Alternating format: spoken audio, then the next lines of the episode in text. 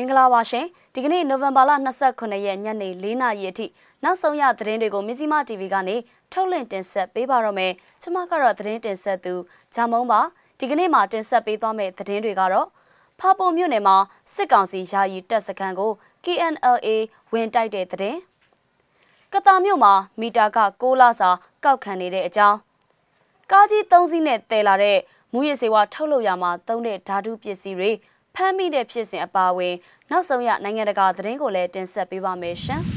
။ကရင်ပြည်နယ်ကတိုက်ပွဲသတင်းနဲ့ဆက်လိုက်ကြပါမယ်။ဖာပုံမြို့နယ်မထောကျေးရွာနားမှာရှိတဲ့အကြမ်းဖက်စစ်ကောင်စီတပ်ရဲ့ယာယီစခန်းတစ်ခုကိုကရင်မြို့သားလွတ်မြောက်ရေးတပ်မတော် KNLA ကဒီကနေ့မနက်9:00နာရီလောက်မှာဝင်ရောက်တိုက်ခိုက်ခဲ့တဲ့အကြောင်းရန်ကုန်ခေတ်သစ်ရဲ့သတင်းမှာဖော်ပြထားပါတယ်။စစ်ကောင်စီတပ်သားတချို့ကိုလည်းဖမ်းမိထားပြီးတချို့ကတော့စခန်းစွန့်ခွာထွက်ပြေးသွားကြောင်းသတင်းရရှိပါတယ်။ အဲ့ဒီစခန်းကယာယီစခန်းပဲစခန်းကြီးမဟုတ်ဘူးဒီမနက် KNLA ကသွားပြတော့စစ်ကောင်စီတပ်သားတွေထွက်ပြေးသွားတယ်။ဖမ်းဆီးရမိတဲ့စစ်ကောင်စီတပ်သားအရေးအတွက်ကိုတော့အတီးပြုလို့မရသေးဘူးလို့ KNU သတင်းနဲ့ပြန်ကြားရေးတာဝန်ရှိသူတဦးကရန်ကုန်ခေတ်သစ်ကိုပြောပါတယ်။ဒီတိုက်ပွဲကနိုင်ဝက်ကျော်ကြာမြင့်ခဲ့တာပါ။စစ်ကောင်စီတပ်ဘက်ကတိတ်ဆုံးမှုတွေရှိသလိုတပ်သား6ဦးကိုလည်းဖမ်းဆီးရမိကြောင်းသိရပါတယ်။ KNLA ဘက်ကတပ်ဖွဲ့ဝင်တဦးကြာဆုံးသွားတဲ့ကြောင်း လူမှုကွန်ရက်မှာရေးသားဖော်ပြမှုတွေလည်းရှိနေပါတယ်။အဲ့ဒီစကန်ကမထောကျေးရွာနဲ့ကူးစိတ်ကျေးရွာကြားဖပွန်ကမမောင်ကားလမ်းမပေါ်မှာတည်ရှိတာပဲဖြစ်ပါတယ်ရှင်။စကိုင်းတိုင်းကတာမြို့မှာစစ်ကောင်စီကအာဏာသိမ်းပြီးကိုလာကျော်ကြားမြင့်လာတဲ့အထိမီတာခကောက်တာမရှိပေမဲ့လည်းအခုလ25ရက်နေ့ကစပြီးတော့ကိုလာစာကိုတခါတည်းလိုက်ကောက်နေတဲ့အကြောင်းကချင် News Group ရဲ့သတင်းအရသိရပါဗျ။အာဏာသိမ်းပြီးကတည်းကဘယ်သူမှမဆောင်ကြဘူး။အဲ့ဒါ25ရက်နေ့ကစပြီးတော့ လုပ်ငန်းရှင်တွေစီမှာစကောက်တယ်လို့သိရတယ်ဆိုပြီးဒေသခံတဦးကပြောပြပါဗျ။အဲ့ဒီမီတာကြေးတွေကိုအိမ်တန်ရရောက်လိုက်ကောက်နေတာဖြစ်ပြီး3သိန်း4သိန်းဝန်းကျင်အထိပေးဆောင်ရတဲ့အကြောင်းသူကဆက်ပြောပါတယ်ဒေသခံတွေရဲ့ပြောပြချက်အရမီတာကြေးကိုပထမအဆင့်အနေနဲ့လုပ်ငန်းရှင်ကြီးတွေစီကောက်ခံပြီးရင်ဒုတိယအဆင့်အနေနဲ့အိမ်သုံးမီတာတွေကိုကိုလစာအပီးကောက်ခံပေးဆောင်စေဖို့ပြောဆိုမှုတွေလည်းရှိနေတယ်လို့သိရပါတယ်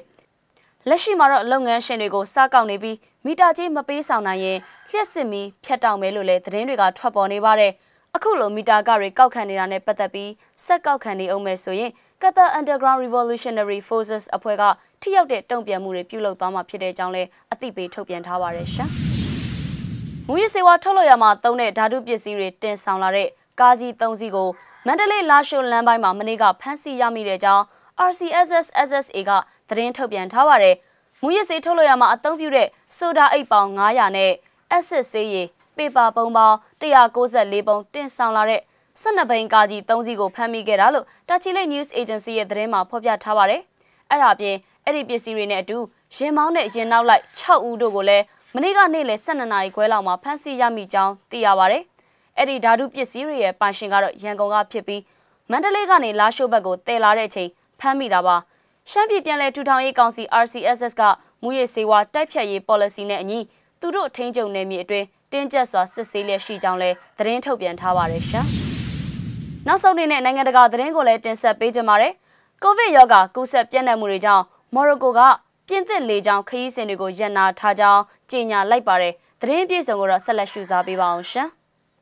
မော်ရိုကိုဟာကိုရိုနာဗိုင်းရပ်စ်ကူးစက်မှုနေ့စဉ်မြင့်တက်နေတဲ့ပြင်သစ်နဲ့အသွားပြန်လေကြောင်းပြန်သက်မှုအားလုံးကိုဆိုင်းငံ့ထားဖို့ဆုံးဖြတ်လိုက်ကြောင်းနိုင်ငံရေးဝန်ကြီးဌာနကကြာသပတေးနေ့မှာပြောကြားလိုက်ပါတယ်။ဒီဆုံးဖြတ်ချက်ဟာနိုဝင်ဘာလ26ရက်ညသကောင်ရန်အချိန်မှာအသက်ဝင်မှာဖြစ်ပြီးနောက်ထပ်သတိပေးချက်တစုံတရာမထုတ်ပြန်ခင်အထိအတီးဖြစ်ကြောင်း နိုင်ငံပိုင် MAB သတင်းကနေထုတ်ပြန်ခဲ့ပါတယ်။ပြင်သစ်မှာနေ့စဉ်ယောဂကူးစက်ခံရသူဥယေဟာမကြသေးမီရက်များအတွင်းတဟုန်တိုးမြင့်တက်လာခဲ့ပြီးဗိုလ်ထူးနေ့မှာတော့9လအတွင်းအမြင့်ဆုံးကူးစက်ခံရမှုအဖြစ်32,592ဦးအထိရှိလာခဲ့ပါတယ်။ပြင်သစ်ကျန်းမာရေးဝန်ကြီးအိုလီဗာဗေရွန်ကကြာသပတေးနေ့ကပြောကြားရာမှာ ကိုဗစ်ပစ္စမလှိုင်းရဲ့ထိုးနှက်ချက်ကိုခုခံနိုင်ဖို့အတွက်အရွယ်ရောက်ပြီးသူအားလုံးဒီသတင်းဘက်ကစပြီးကာကွယ်ဆေးထိုးနှံပေးသွားမှာဖြစ်တယ်လို့ဆိုပါတယ်။ပြင်သစ်နိုင်ငံမှာကမ္ဘာအကြီးဆုံးမော်ရိုကိုလူမျိုးနေထိုင်သူအတိုင်းဝိုင်းရှိပြီးအဆိုပါ EU နိုင်ငံအတွင်းနေထိုင်သူမော်ရိုကိုလူမျိုးတက်တန်းကျော်ရှိပါတယ်။အော်တိုဘာလကလေးက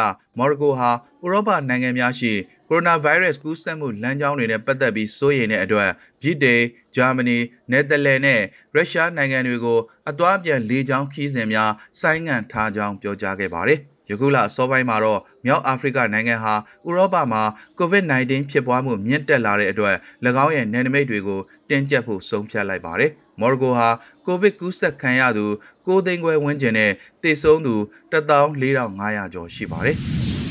မစ္စည်းမရဲ့သတင်းတွေကိုနေ့စဉ်စောင့်မျှော်ကြည့်ရှုပေးခဲ့ကြတဲ့အတွက်ကျေးဇူးတင်ပါတယ်။ပြည်သူအားလုံးလက်ရှိကြုံတွေ့နေရတဲ့အခက်အခဲတွေကနေအမြန်ဆုံးလွန်မြောက်ကြပါစေလို့ဆုတောင်းရင်းနဲ့နှုတ်ဆက်ပါရစေရှင်။